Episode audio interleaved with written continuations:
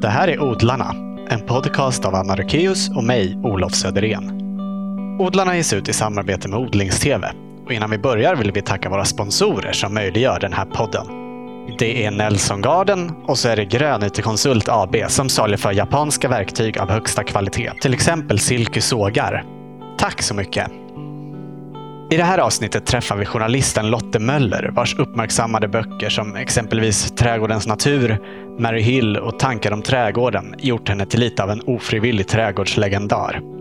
Vi hälsade på Lotte i hennes trädgård och hem i Lund den 18 augusti. Varsågoda!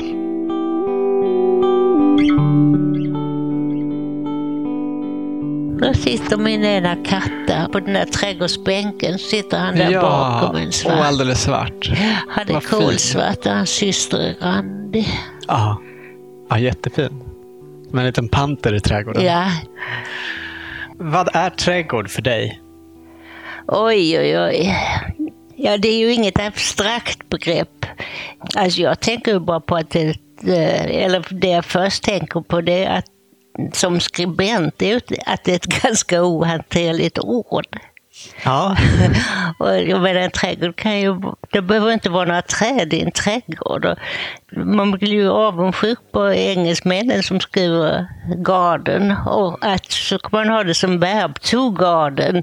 Och vad skriver man på svenska? Att sköta trädgård eller påta i sin trädgård. Det blir så, det blir så joxigt. Va? Och franskan har jardin och garten. Det är bara vi som släpar på det här konstiga och lite missvisande ordet. Ja, det är konstigt. Att... Ja, det är konstigt. Många ord är ju jättekonstiga. Men det här, jag tycker det är ett, eh, ett handikapp när man, när man ska skriva om ämnet. Och det går inte att ändra heller.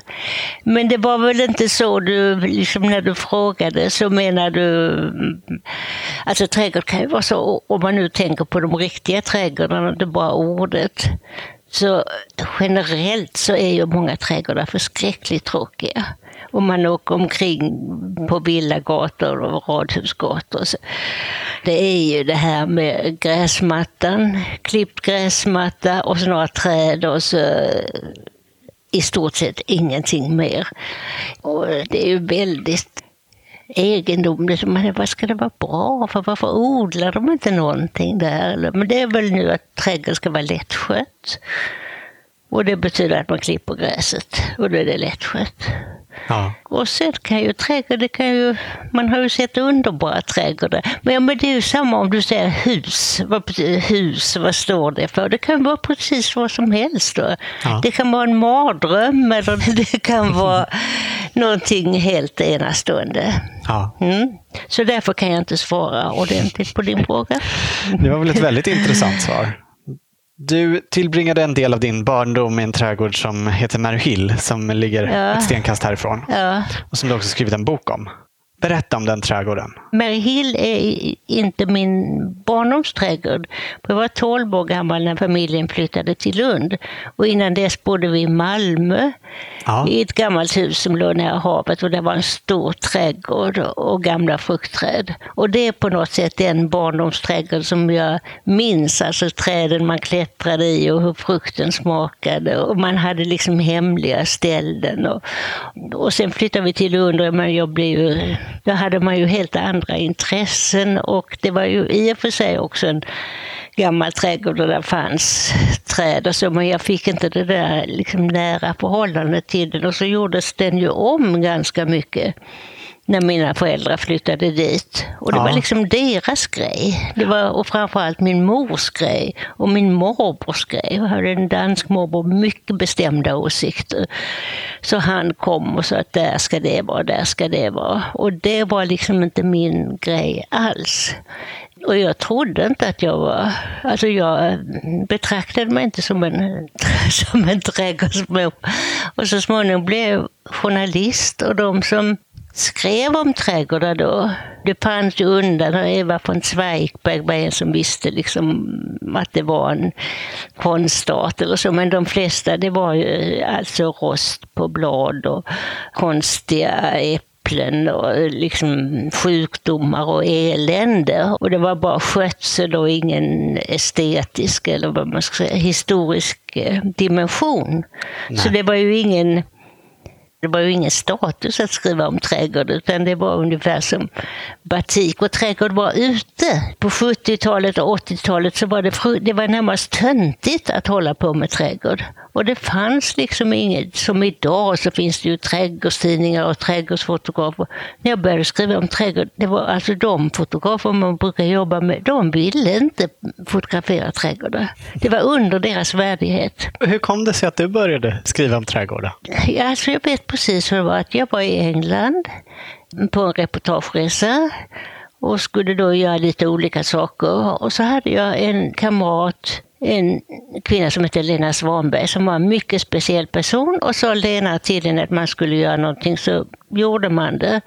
Och då sa Lena, jag tycker du ska åka till Sissinghurst för där finns en fin trädgård. Hon var inte intresserad av trädgård men hon hade läst Harold Nicholson, Vita Sackville Wests eh, make, hans dagböcker hade publicerats och det var så intressant. Mm. Och jag var ju lite så åt det gröna hållet. Och då tyckte hon att jag skulle åka dit och så gjorde jag det då. Bodde på ett bed and breakfast och så går jag dit nästa dag och detta var alltså i mitten av 70-talet tror jag. Så det var liksom, det var inte känt då. Och så kom jag dit och det var, det var ju jättefint. Och jag tog bilder och sen gjorde jag en artikel. Alltså då kände jag att det här är roligt att skriva om därför att det är människor, alltså det här med Vita Sacred West och hennes make och trädgården de gjorde tillsammans. Det är ju inte det här vanliga köret med päronrost och alla mögel på olika saker utan det var mm, och då kände jag att det var lite kul att skriva om trädgård. Så då fortsatte jag lite och jag var ju då på tidningen Vi. Och då minns jag att mina kollegor var lite bekymrade. För jag skrev ju inte riktigt som man skulle om trädgård. Så jag, då, jag ville åka till Chelsea Flower Show och då skulle jag först skriva om eh, för att få lov att göra det så skulle jag skriva om någonting som heter Bevara mig väl. Och det var en liten möbel som man kunde snickra och ha på balkongen för uppbevaring av potatis och andra rotfrukter. Ja. och då skulle jag skriva om ritning och så bevara, bevara mig väl och hur bra den var att ha.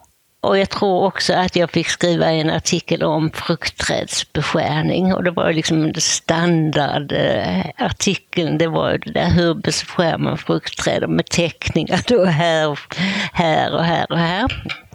I Tankar om trädgården så skriver du att Chelsea Flower Show förändrade ditt liv. Ja, det kom väl dit. Det var väl i slutet av 70-talet och det var jag, jag vet inte om jag är den liksom första svenska trädgårdsjournalist som har varit där, men det var ingen som hade skrivit om den. Och jag tror att det beror på att de tongivande trädgårdsskribenterna då, det var ju dels Eva von Zweigbergk på DN och så var det Ulla Molin. Och båda de var ju ganska mycket duktiga, kunniga och snobbiga damer. Så de trodde nog att Chelsea Flower Show att det var liksom något sådär folkligt, lite tarvligt. Va? Mm. Show, det var, lät lite... Men jag hade ju läst om det i engelska trädgårdstidningar. Alltså. Och vilket ös! Alltså man, så många människor som var fullständigt trädgårdsgalna och trädgårdsglada och inte gjorde det minsta för att dölja det. Och att det fanns liksom särskilda riddarsporrsällskap, Delphinium Society med glada små tanter som stod där med världens största riddarsporrar. Och det var så hjärtligt och så, nu har det ju blivit liksom lite, det, är så väldigt sofistikerat nu med de här utställningsträdgårdarna och det är ju sån tävling och sånt där. Jag tror att det var lite mer avspänt på då. Och det var en trädgård som fångar på något fängelse hade fått göra. Och, det var, och så damer i tossiga hattar och De var så utflippade och så nöjda och så glada att träffas. Ja. Så det var själva bejakandet som var så kul. Och sen var det, det var så tokigt, det var ju att det var ju väldigt strängt att det fick ju inte finnas trädgårdstomtar.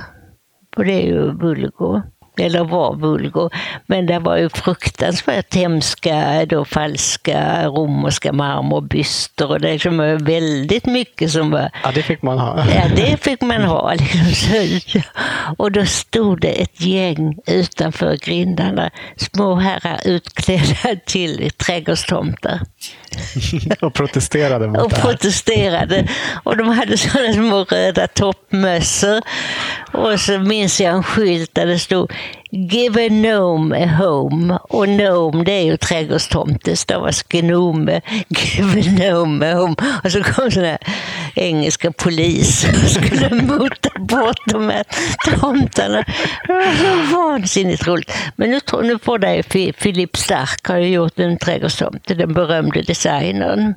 Så nu är det liksom fritt fram för rätt sorts eh, trädgårdstomtar. Så det är... Mm.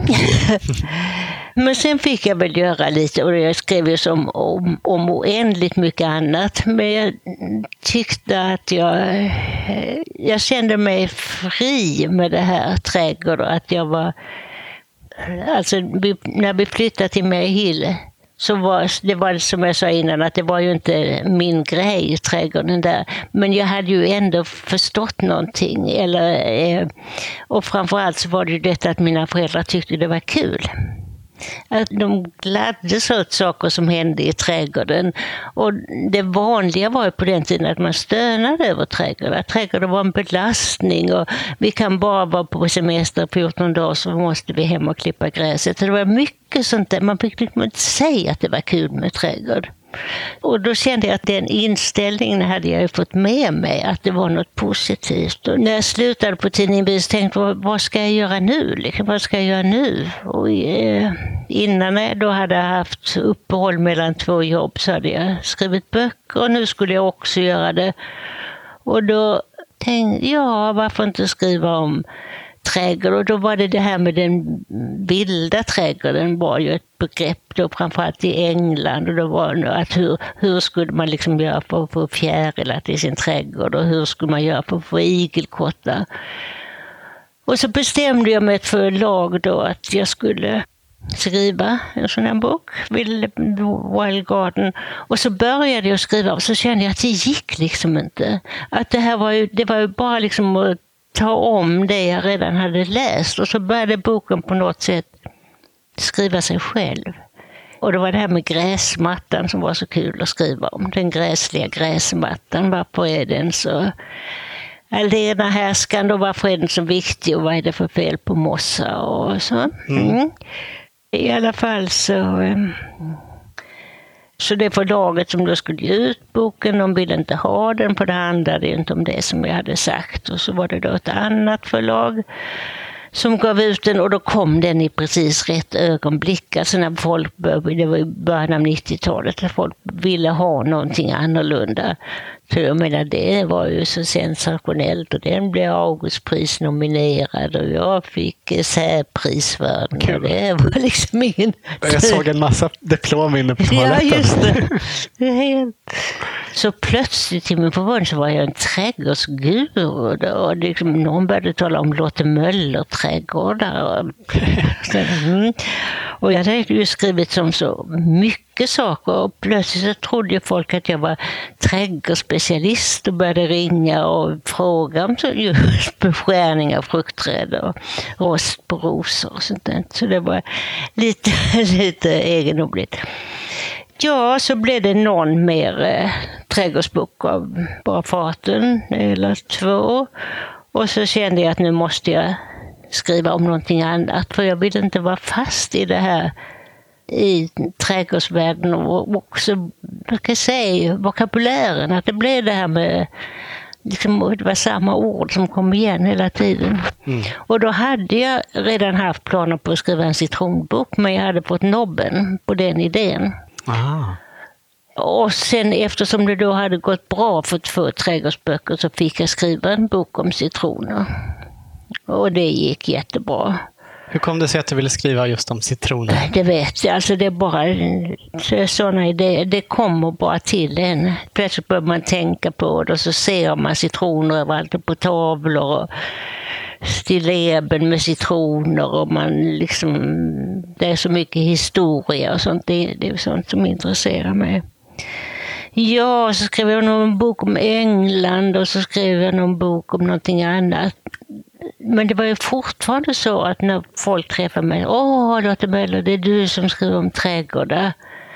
Jag känner men jag måste, alltså jag tycker det är jättebra med trädgård men jag vill, jag måste bryta med det här. Så nu ska jag ta en helt annan färg, utan grön, det ska bli svart. Så då skrev jag en bok om begravningar. Alltså det är ju reportage jag gör alltid. Då tar jag ett ämne och så snöar jag in på det fullständigt. Där citroner så är det bara citroner som gäller. Begravningar så är begravningar det, är det enda som och det var så vansinnigt intressant. Alltså inte om döden och sorgen utan om begravningar som kulturell företeelse. Alltså det låter kanske konstigt men det var faktiskt jättekul att prata med olika begravningsentreprenörer. För jag menar de kan ju inte sörja och gråta över varje Nej. människa de ska begravas utan det är liksom det är business och det ska vara si eller så. Och de tyckte det var kul att, att berätta och så. Jag bara, alltså det var så märkligt. Jag var, det finns ju begravningsmässor som är vilka mässor som helst. Jag var på en i Paris och de kistor fodrade med siden och kistor med fack till champagneflaskor Det var liksom olika begravningsbilar och urnor och stenar och, och så svävade små lättklädda damer omkring och matchade. Oj, vad konstigt. Men den boken gick ju inte alls bra. Så ehm, jag betraktar mig inte som en trädgårdsjournalist. Alltså jag är intresserad av trädgård och jag, men nu är det mer liksom min egen trädgård som är det viktiga. Och jag mm. vet inte om jag någonsin kommer att skriva om trädgård igen. Det, det har varit väldigt roligt att göra det, men eh, kanske någon gång sluta skriva bok om min, trä, min trädgård. Det gör alla människor. Mm. Det är väldigt många som skulle läsa en sån bok om din trädgård. ja, det är lite lättsålt. Och jag tycker det skrivs, det finns så mycket bra skrivet om trädgård. Ja, det har exploderat. Det har, det har verkligen exploderat. Mm. Och sen så finns det idag så är det så mycket trams med trädgård också att det är så gulligt och det är så positivt helt igenom och man blir så man mår så bra av det. Så. Och Gör man inte det då? Nej, man kan må dåligt och tycka illa om sina trädgårdar. Och nu har det blivit så väldigt mycket med dessa bilder och det finns liksom rätt och fel. Och så, så jag var hemma hos några häromdagen i Småland och de hade en sån här torkställning sån här som man inte får ha. En sån där man hänger kläderna på? Ja, mm. just det. Och då blir det nästan lite lättare att de vet inte att det är, fy, fy, det är fult. Men jag menar, det är sånt som jag tycker är eh, nästan intressantare än växter. Det, det, till exempel det här med tvättställningar att Ulla Molin som var så berömd. I hennes, där fanns inte en tvättlina. Man tänkte, vad gör hon? Så jag frågade henne en gång. Hur torkar du tvätten? Ja, sa hon, jag har en liten torkställning som jag ställer ut på terrassen, men jag tar genast in den om det kommer någon. Mm. Och det är så intressant. Det kom ju för det var den här Tasha Tudors trädgård, det var någon underbar bildbok och hon hade tvätt som hängde ute. Men det var så någon vacker tvätt. Mm. Linnehanddukar. Sånt tycker jag är... Det ska vara som en installation. Ja, det, var, det ska vara som en installation. Ja. Har du någon tvättlina? Jag har, jag har tvättlinor faktiskt. Ja, du har det? Ja, men inte i plast. Absolut inte i plast. För jag är... jag är så, att jag är så estetiskt känslig av mig så att det liksom... Så är det bara. Mm. Ett handikapp. Det är ett handikapp. Du har just visat din fantastiska trädgård för oss. Vill du beskriva den för lyssnarna? Vad ska jag säga? Det är liksom en väldigt... Eh, många människor tycker ju att den är, ser väldigt vild ut. Och då är det att det är höga träd och höga buskar. Och, men det är ju liksom beror på att det här ligger mitt i stan och det är trafikleder på två sidor och grannar runt omkring. Och då tycker jag det är så viktigt att en trädgård är en skyddad plats. Så det, man kan ju läsa i trädgårdsböcker hur man skapar utsikter men här vill jag ju stoppa utsikterna och insikterna. Så att det är som en grön grotta. Mycket skugga blir det och det tycker jag är jättefint. Och det blir mindre och mindre gräs och det, mm, saker brer ut sig då, smultron och myskmadra. Och det är ingen planerad trädgård utan eh, organisk. Men stommen är ju de här gamla träden. Och, ja, och sen att den skiftar väldigt mycket, det tycker jag är så viktigt. Så jag har mycket, jättemycket vårlökar och och jag har jättemycket av eh, prästkragar. Den skiftar enormt men det, det, är ju inte något speciellt för den här trädgården. Att det, men jag, det jag tycker jag har lärt mig det är hur viktigt det är att varje säsong har, har sitt. Och det här med liksom det vad kommer och sådär i slutet, juli, mitten av juli kan vara rätt tråkigt. Och då har jag kommit på att det är roligt med, spännande med liljor. Men då gäller det att hitta rätt sorts lilja för somliga stinker lilja som man, bara, som man inte kan vara ute i trädgården. Men det får, det får man pröva sig fram. Jag tycker bäst om madonnaliljor, de gamla. De har mild och jättefin doft.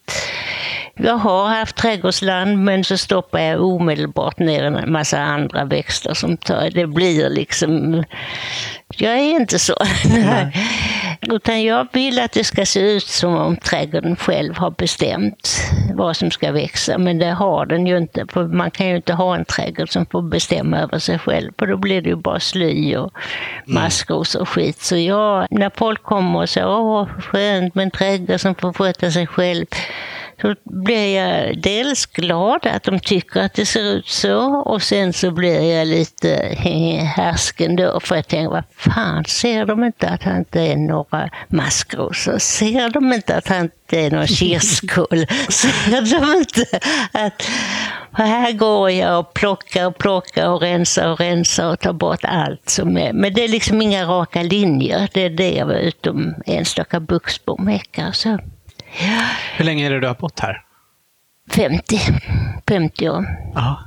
Men de, alltså först så var det, jag hyrde bara tillfälligt och jag trodde inte jag skulle bli boende här och jag var inte intresserad av trädgården. Och det, var liksom, det var bara gräs och gamla träd som var väldigt fina. Alltså gamla fruktträd var flera har, de flesta har fallit nu. Så det var liksom en övergiven gammal trädgård och det var trevligt men inte att jag hade en tanke på att jag skulle det är väl liksom i och med att jag började skriva om trädgård så blev jag trädgårdsodlare så småningom. Det står ju några gamla fruktträd kvar också. Ja, det är ett orangeäpplen. Alltså äppelträd är ju väldigt seglivade. Ja. Och så är det ett som nu är på sitt yttersta med någon sorts vinteräpplen. Så det är så vackert där de sitter kvar även när det är frost. Men det har jag ympat en gren på ett annat träd. Ja.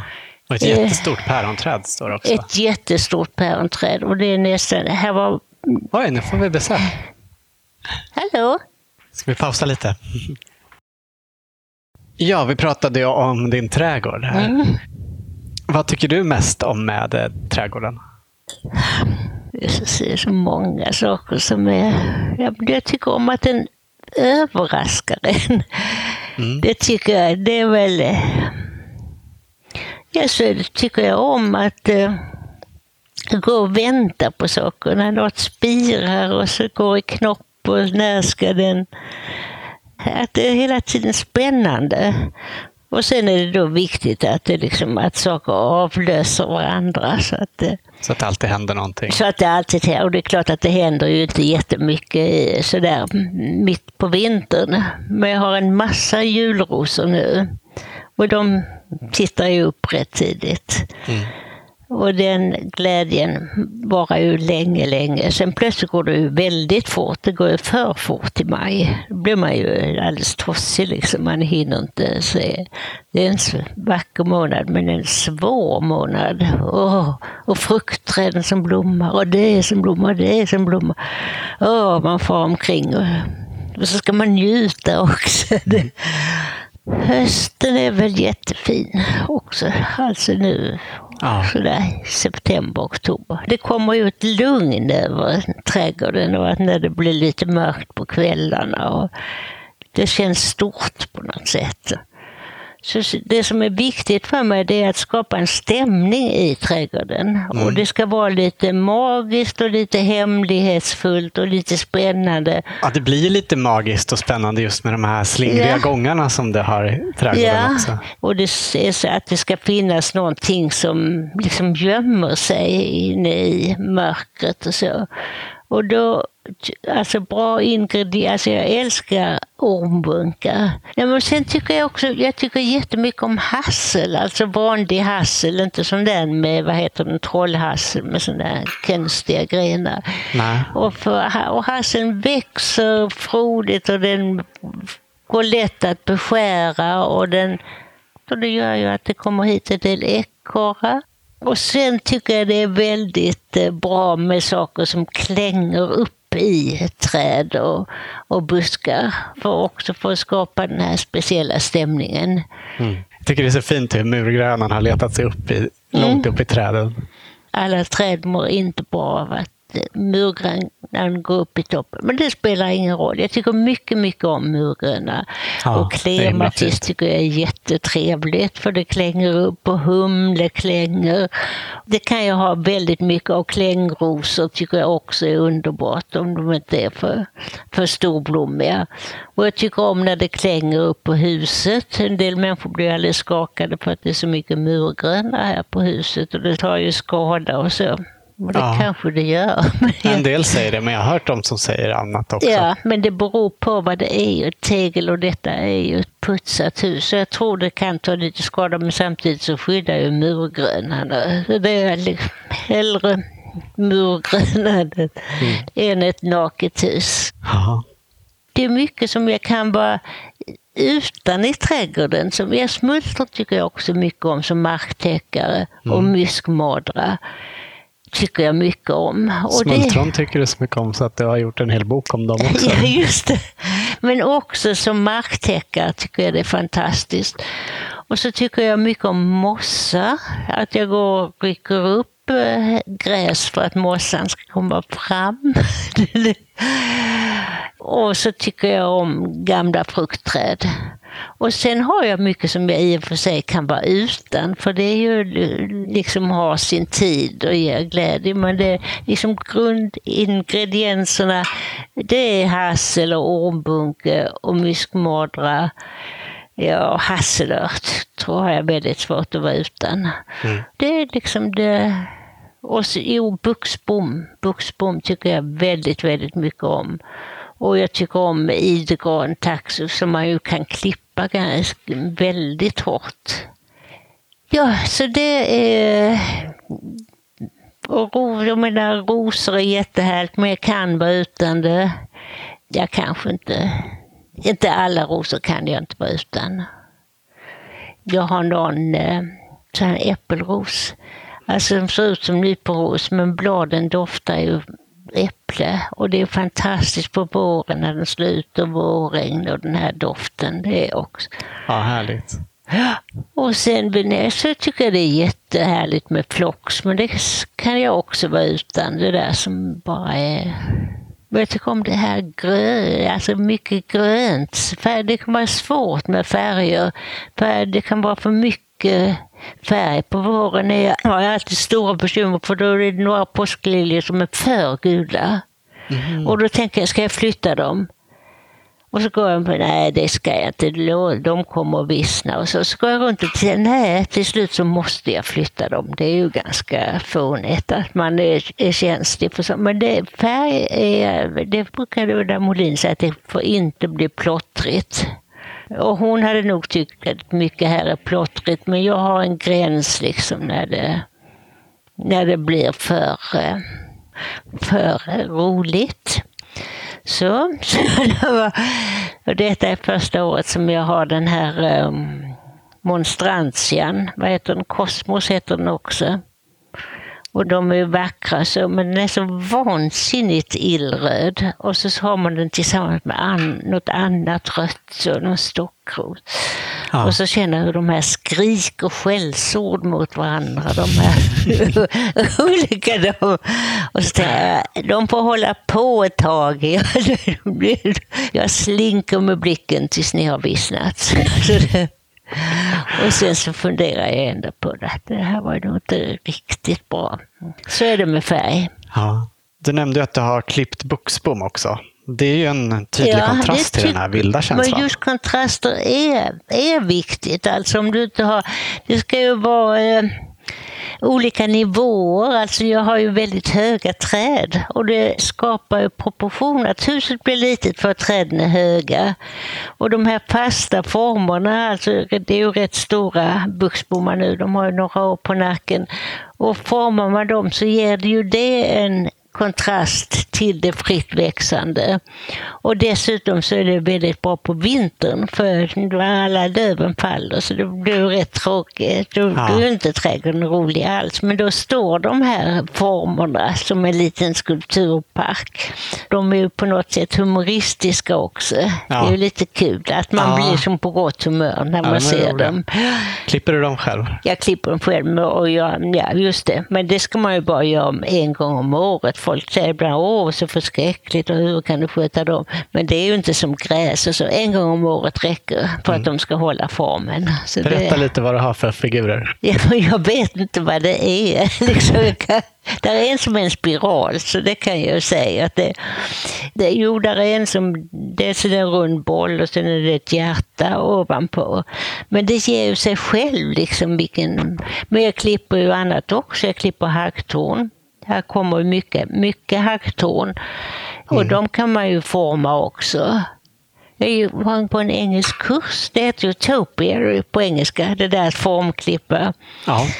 Och då minns jag att vår lärare där på kursen han sa You can topiarize anything. och det har jag sett, man kan topiarize forsythia. Okej, det har jag aldrig sett. Nej, och det har jag tänkt mycket på. Att man ska inte vara rädd för att forma saker. Nej. Nej. Och det är roligt med, alltså somliga saker är ju lättare att top, topiarisera än andra. Buxbom är jättebra, idegran är jätte, jättebra. Hacktorn går alldeles utmärkt. Sven-Ingvar Andersson som var känd landskapsarkitekt. Han hade ju fantastiska höns i sin trädgård. Jättehöga. Och jag tror också att de liksom bestämde själva lite hur de skulle se ut. Så det är väldigt, här dyker det upp små hacktornsplantor överallt och då, de flesta tar jag tillvara för det. Det kan bli små bollar, det kan bli små saker av det. Man ska ta vara på de gåvor man får från, från naturen. naturen. Ja. Har du något särskilt tips om någon vill prova att klippa formklippet av växter själv? Det är bara att klippa på. Det är bara att köra? Ja, det är bara att köra. Men ja. klart, man ska ju inte... Det finns ju vissa saker som björkar får man ju inte men det är ju kriminellt att beskära björkar som en del gör. Om, men då är det bättre att fälla björkarna helt och hållet än att stympa dem. Så man måste veta lite om vad man ger sig på med, med häcksaxen. Mm. Du har ett glashus längst ner i trädgården. Mm. Du sa att du inte hade någon köksträdgård, men utanför det står det ju faktiskt lite tomater. Mm. Ja, det tänkte man ska ju pröva, för man får ju väldigt eh, hemmaodlade tomater är väldigt goda. Ja. Jag tycker det är lite joxigt där att man ska tänka att de måste ju vattnas hela tiden. Och det, jag tycker det är lika roligt att köpa av handlare på torget. Och jag har ett litet hushåll så det är inte så att det går åt stora mängder. Och så, så det, men det är roligt att pröva. Så jag tycker hellre, jag har alltid något, liksom, nu ska jag pröva det. Du har sagt eh, i något sammanhang att du tycker trädgårdar generellt är präglade av det stereotypt manliga. Vill du förklara hur du menar? Nej, men alltså många trädgårdar som är tråkiga. Då ser man att de är ju formade av maskiner. Alltså de är uttryck för en manlig glädje i maskiner som bullrar och som åstadkommer mycket. och det, alltså det främsta det är ju det här eh, motorgräsklipparen. Mm som ju folk använder i små trädgårdar. Det skulle vara mycket bättre med en handgräsklippa. Och så brummar de fram med det här vidundret som ju är lite känslolöst. För man, går man med en handgräsklippa så kan man ju gå runt om liksom om det är någon tuva med något särskilt. Men alltså jag har stött på äh, familjer där hon säger men jag skulle vilja ha en liten örtagård här. Så säger han nej då kommer jag inte fram med gräsklippan. Så det är liksom en njutning i sig att meja ner allting och gå fram och tillbaka. Och så ska man ha en motorsåg och då liksom tar man på en sekund så tar man av all, alldeles för tjocka grenar. Mm. Och det är liksom att maskinerna får en att göra alltså saker snabbt och väldigt, väldigt hänsynslöst. Nej men att det här brummandet ger en njutning i för vissa, för vissa personer. Aha. Och för att inte tala om de här att man sitter på gräsklippar. Men nu är det ju de här som gräsklipparna som går för sig själva som är den nya storsäljaren. Mm. Och det tycker jag också är fullständigt knäppt på hur kan de veta att just där liksom växer då någon särskild liten lilja. Så sticker martagånliljor brukar ju gärna, krålliljor, de dyker upp i gräsmattan och då ska man ju, när man klipper gräsmattan så ska man göra en krumbukt kring de här små skotten. Mm. Det gör inte motorgräsklipparen om inte dess husse, höll jag på att säga, är väldigt eh, känslig av sig. Mm. Men de här som går av sig själva, de är ju de är förfärliga och dessutom tar de ju död på igelkottar och igelkottsungar och så. De är ju förfärliga.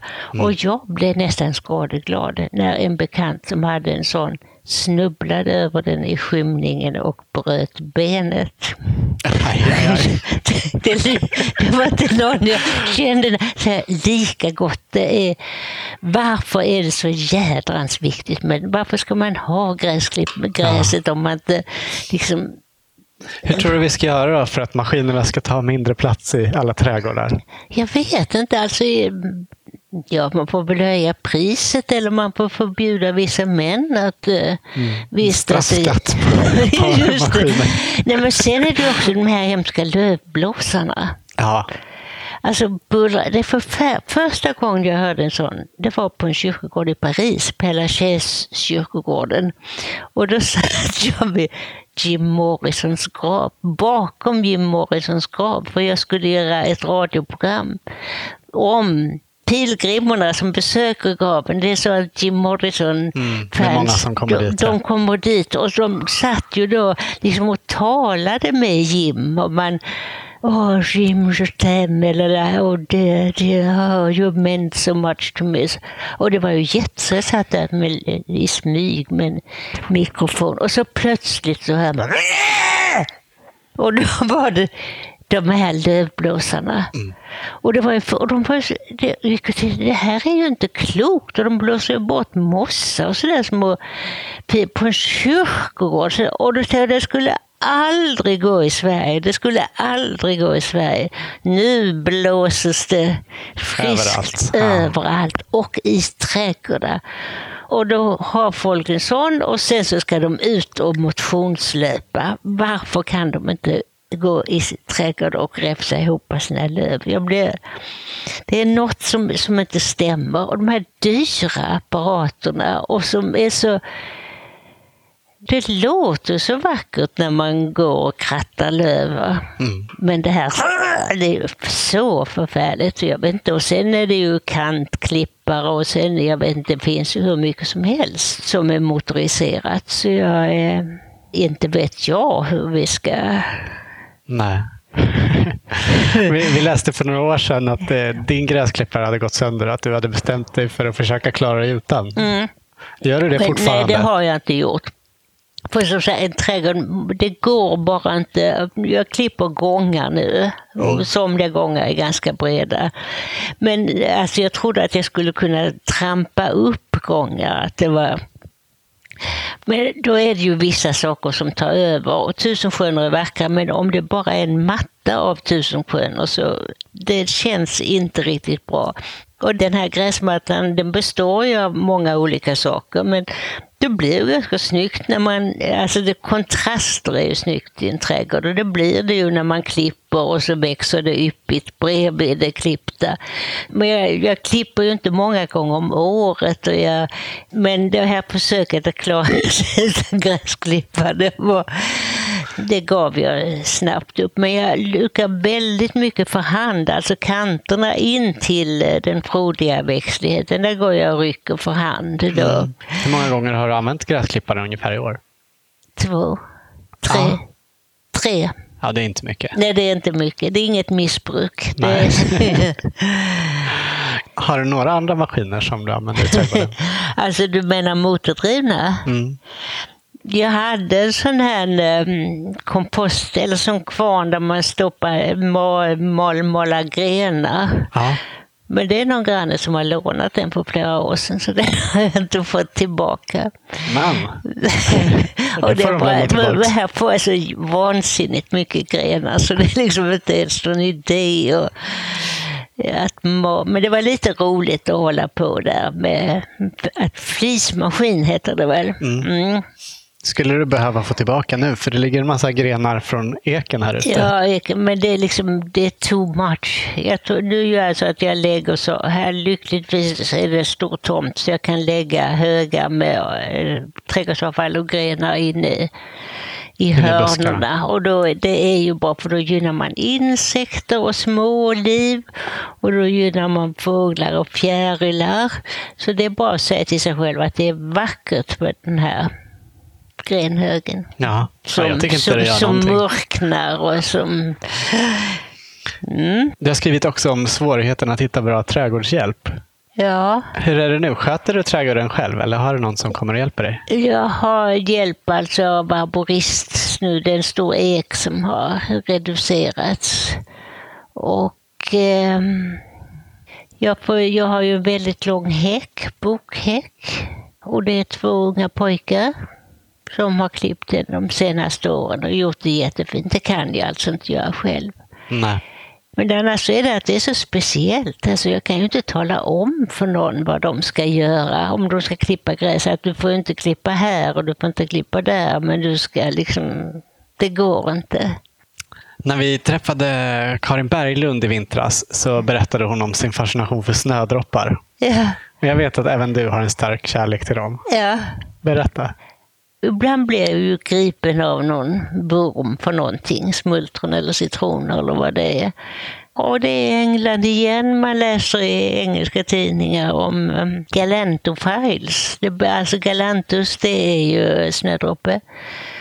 Och då insåg man att det, detta var någonting som som man kan samla på. Att det finns olika sorter och det har man ju liksom inte fattat. Snödroppar är ju snödroppar på något sätt. Va? Och så börjar man titta lite närmare och då var det ju skillnad på bladen och på de här gröna, den här liksom mittgrejen. Och så åkte jag faktiskt till England och var på ett möte och en sån här snödroppssällskap. Det finns ju ett snödroppssällskap. Och det var liksom lite samma känsla som som Chelsea. Alltså man blev, folk var fullständigt fnattiga med snödroppar och de samlade och de samlade och de samlade.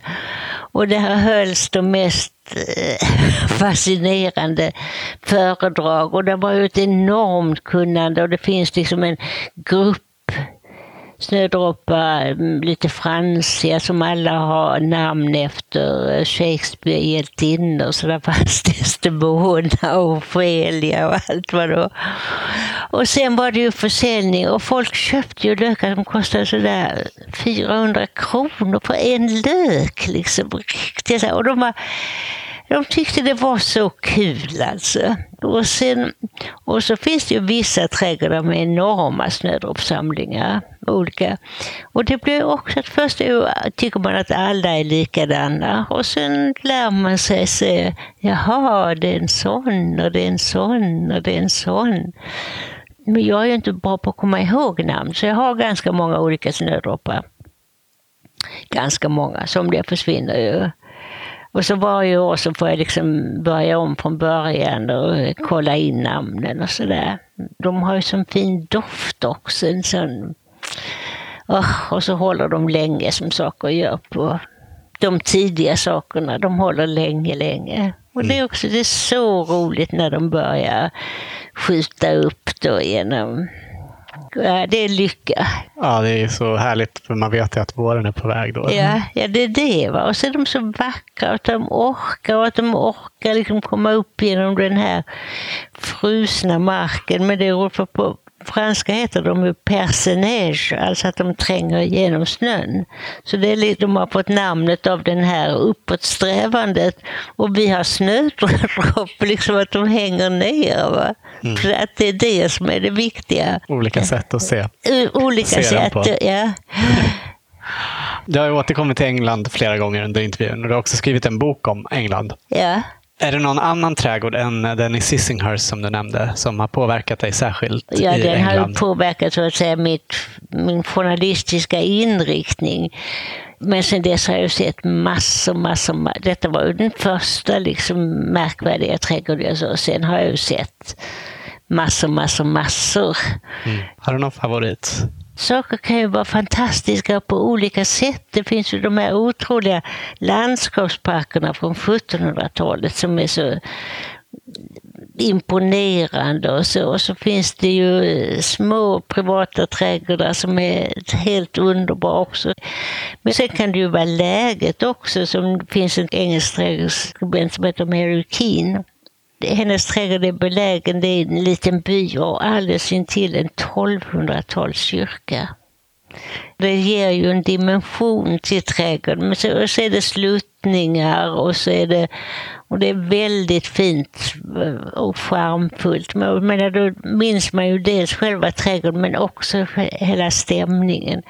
Men jag börjar sen är det ju andra trädgårdar som är underbara för att omgivningen är hemsk. Och så är det en, att Mary King kan göra en vacker trädgård, det kanske inte krävs så mycket i, med så vackra omgivningar. Det är klart mm. hon kunde ju gjort något hemskt. Hon kunde ju planterat rhododendron i olika färger som ett påskgris. Men det, det gör hon ju inte. Men det, så det är väldigt, väldigt smakfullt. Men det är klart att de trädgårdar som gör störst intryck, det är nog de där som liksom trots en eh, förfärliga förutsättningar ändå skapar eh, nu tänker jag inte på en engelsk trädgård utan på Sven-Ingvar Anderssons trädgård, landskapsarkitekten. Han, hans trädgård ligger ju, han, han är död nu, men den ligger ju utanför Lund och då är det att på ena sidan går det en väldigt trafikerad landsväg. Precis där trädgården slutar går en eh, förfärlig kraftledning och på den tredje sidan mittemot landsvägen så är det ett väldigt trist radhusområde. Och då blir det, man hör trafiken och man hör det från området och man ser den här kraftledningen och då blir det som trädgården att den är en protest mot allt det här. Mm. Och att den är en, alltså det är ju hela tiden det här med kontraster, att den är något helt, helt annorlunda. Och det är väl så, jag vill också att min egen trädgård ska vara, för här är ju trafikleder och det är höghus väldigt nära och det liksom att det ska vara en helt annan värld. Och de här trädgårdarna som jag tycker illa om, de med välklippta gräsmattor och tuktade buskar och sånt, de är ju likadana som våra städer eller allt det, allt är skött och det är motorer och det är fyrkantigt och det är prydligt. Så att ja. en trädgård ska gärna vara lite den ska vara precis tvärtom. Den ska vara opraktisk och lite ogenomtränglig och lite... Det ska vara allt det som inte omgivningen är. Mm. ibland tänker jag med de där tråkiga trädgårdarna, om jag var en fågel, vad skulle jag... Då skulle jag tänka, vad har jag här att göra? Det finns ingenstans där jag kan bygga ett bo. Det finns ingenstans där jag kan bada. Det finns ingenting och där jag kan gå och picka och så. Va? Och det finns inte ens något ställe där jag kan sitta. Tråkigt. ja, nej, så man ska göra en trädgård där en flygande fågel säger det här var väl ett kul ställe. Mm. Nu har vi faktiskt tagit an en bit offentlig mark här ute mellan gångbanan och bilvägen och försökt göra den lite roligare också. Det här har ju en gräsremsa utanför. Mm. Och där försöker jag grilla, odla lite grann och jag har satt dit smultron och sådär. Men så kommer ju kommunens gräsklippare. Så jag talade idag med en, en kille som gick och klippte grenar. Ja. Och han, ja, ja, det får du tala med, med, med chefen då. Men om, jag tycker att folk skulle få odla på eh, mycket mer. Alltså det är stora gräsmattor runt omkring eh, som bara ligger liksom. Det känns som det är mycket sånt på gång nu ändå, i, Ja. åtminstone i storstäderna. Ja, men inte så. Ja, det är det kanske. Men det är jättebra. Jag tycker det ska vara mer om man är, man är rädd. Och vad händer? Det vet jag, det har man sagt. här. Men vad händer då om folk inte sköter det längre? Mm. Oj, oj, oj. Då blir man... Ja, det, är klart. Då blir det ju... De, Då blir det ogräs. ja. Så mycket värre saker kan ju inte hända egentligen. Nej, men man är rädd för så mycket saker. Att det ska bli fult och att det ska bli... eh, Men det är som man tänker all den där oanvända mark som ligger här med bara... Ja, det är synd. bara ja, det är synd, ja.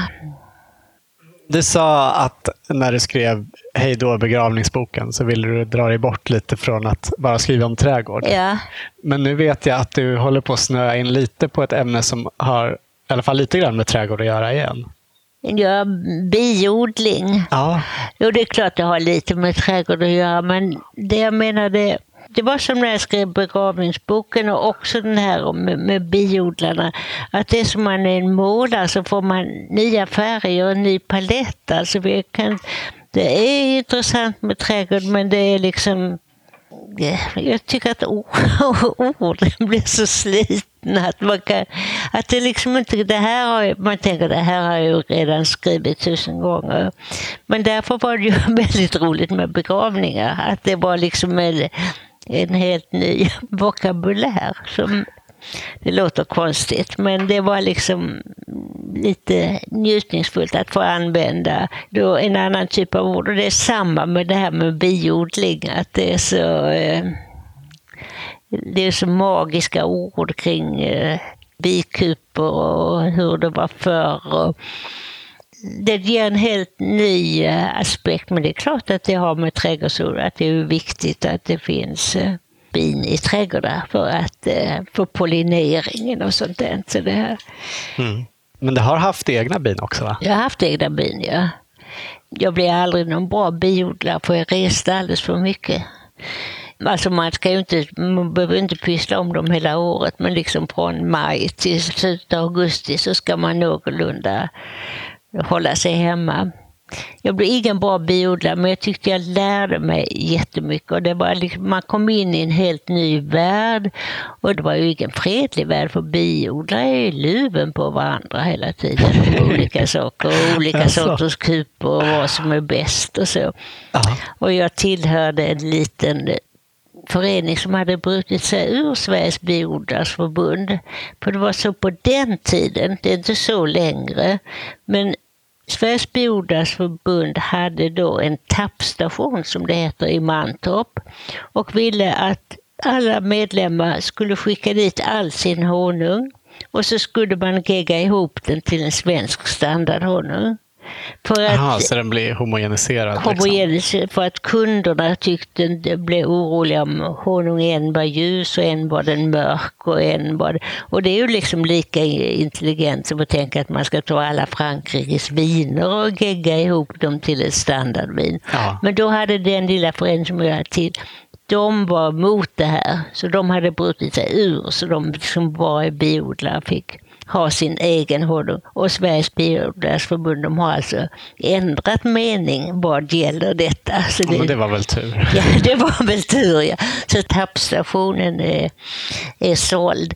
Men det var, det var ju väldigt roligt att få en inblick i allt som för sig gick. Och det var liksom att man lärde sig vad att naturen blev mer meningsfull, att man visste liksom att sälja, åh nu är det liksom frömjöl på säljen, nu blir bina glada, nu beger de sig dit och samlar pollen. Alltså vad som betydde någonting. Gräsmattan är ju bara bra om det är mycket maskrosor och sånt där. Annars är den ju helt utan intresse. Linda är jättebra, hallon är jätte, jätte, jättebra för bin. Och och eh, naturligtvis de här fjärilsbuskarna. Så det var också det där att man lärde sig att se på omgivningen med en helt ny blick och inser att det här jordbrukslandskapet som vi har nu med sådana monokulturer med oändliga rapsfält, oändliga betfält och så, det, ger ju, det är ju helt meningslöst för ett bi och att de mår ju inte bra av det. Att det är ju, och sen är det ju gifterna dessutom. Och så är den vilda floran väldigt utarmad. Och det är så, och man säger att det behövs fler bin, det behövs fler bin. Men det behövs liksom också någonting som de ska kunna, där de kan hämta nektar. Eh, om man tänker på hur det var förr, kanske för 100-150 år sedan, då hade ju liksom varje gård och då var det lite torp, de hade ju en bikupa, det hörde ju till. va. Men nu har det blivit så invecklat och man behöver så många prylar och man behöver... Men jag tycker absolut att så många trädgårdsodlare som möjligt ska skaffa sig bin och det finns liksom enklare kupor än de här eh, gängse kuporna. Det finns de som heter topplistkupa som är jättebra för trädgårdsodlare och man får inte så mycket honung men det är ju inte det viktiga. Man, man får honung men inte, det är ju inte det som är det allra viktigaste utan pollinering då. Överhuvudtaget att titta på bin när de flyger ut och in. Och när de är ju jätteintressant. Vad de, de är så söta. Mm. så så det, det fler trädgårdsodlare som också är biodlare. Det är ingenting att vara rädd för. Vi ser fram emot att få läsa boken så småningom.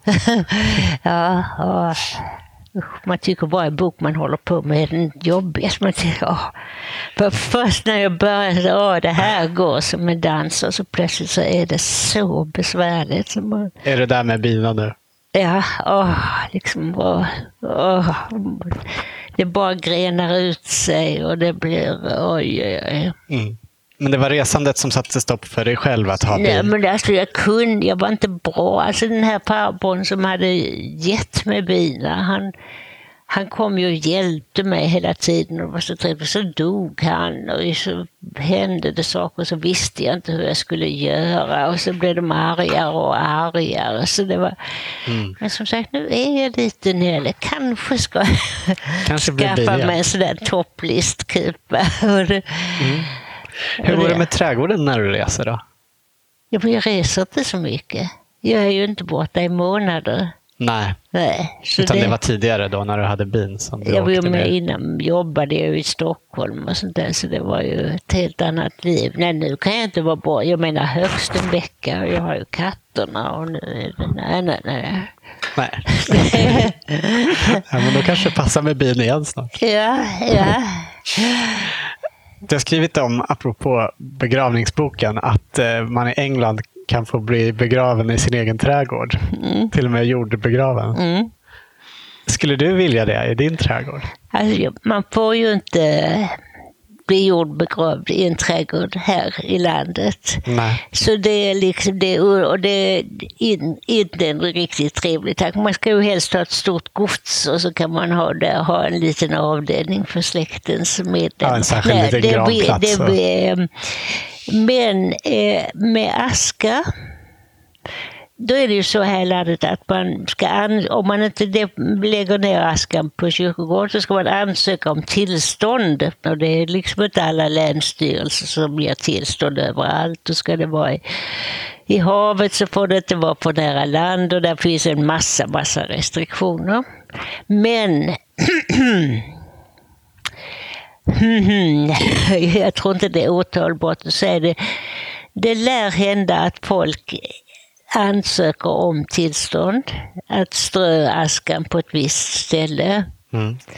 Och så får de tillstånd och så strör de den på ett helt annat ställe. Mm. Say no more. Men det är intressant att det, man har en så mycket mer liberal syn på det i England. Där kan man, där i England får man strö aska precis var som helst. Och man behöver inte fråga någon. Man kan spola ner den i toaletten, man kan ha den hemma eh, och ta med den på födelsedagar till puben eller man kan skjuta upp den med en fyrverkeri och man kan...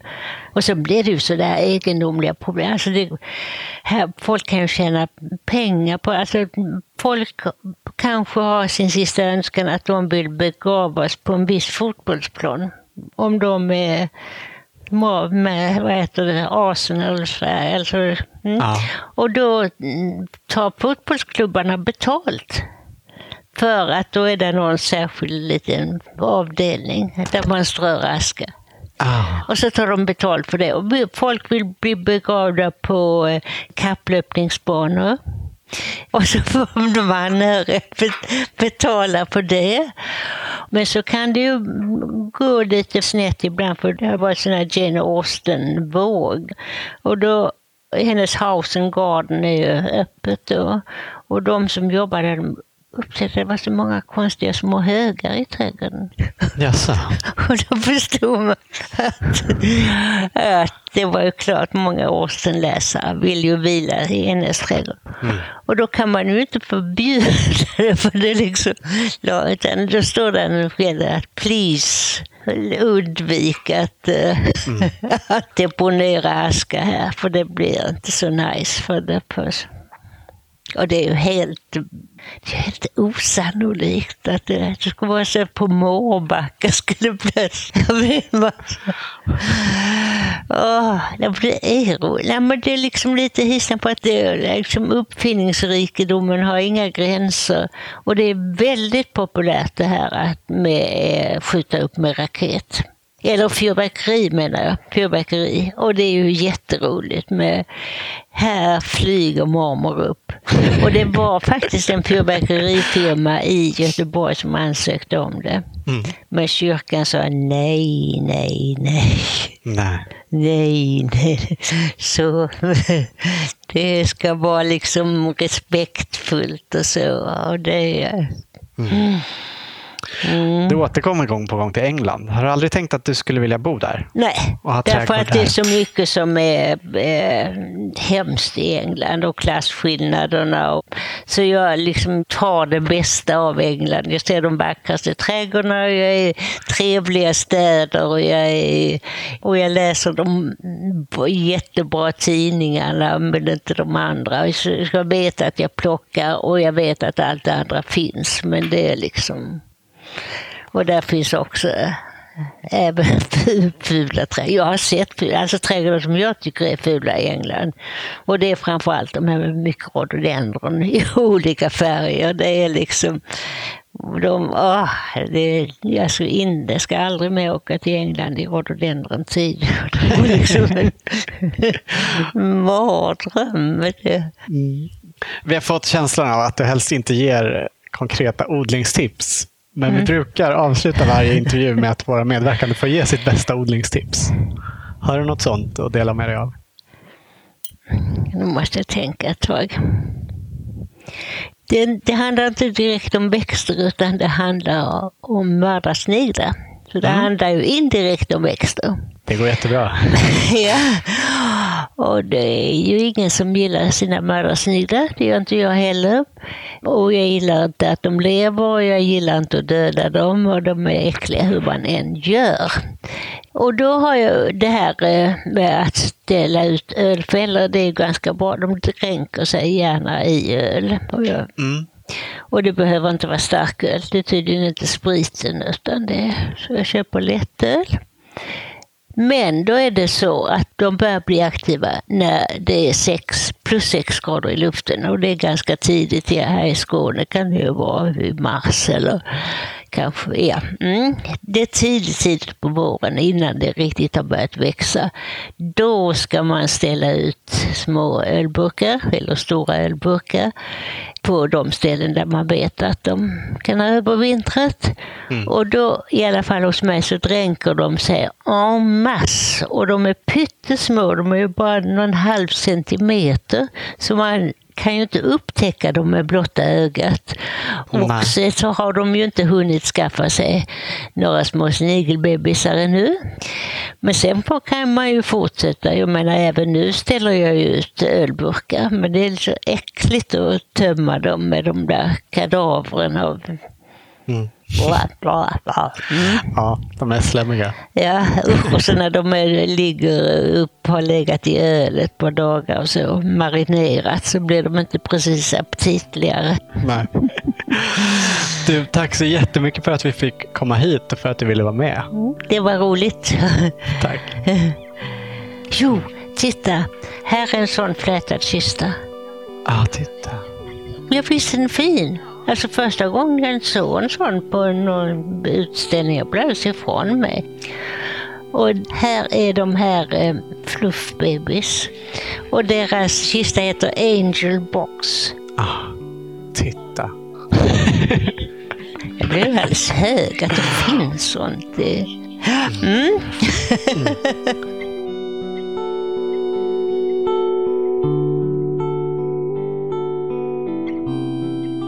Du har hört Lotte Möller i Odlarna. Och det som Lotte visade oss här i slutet var bilder ur hennes bok Hej då begravningsboken. En bok som vi verkligen kan rekommendera. Precis som hennes andra böcker om trädgårdar, citroner, smultron med mer. Tack för att du lyssnat och stort tack än en gång till våra sponsorer Grönyte Konsult AB och Nelson Garden som möjliggör den här podden. Redaktör för Odlarna är Anna Rökeus. Jag heter Olof Söderén. Ha det bra! Hej då!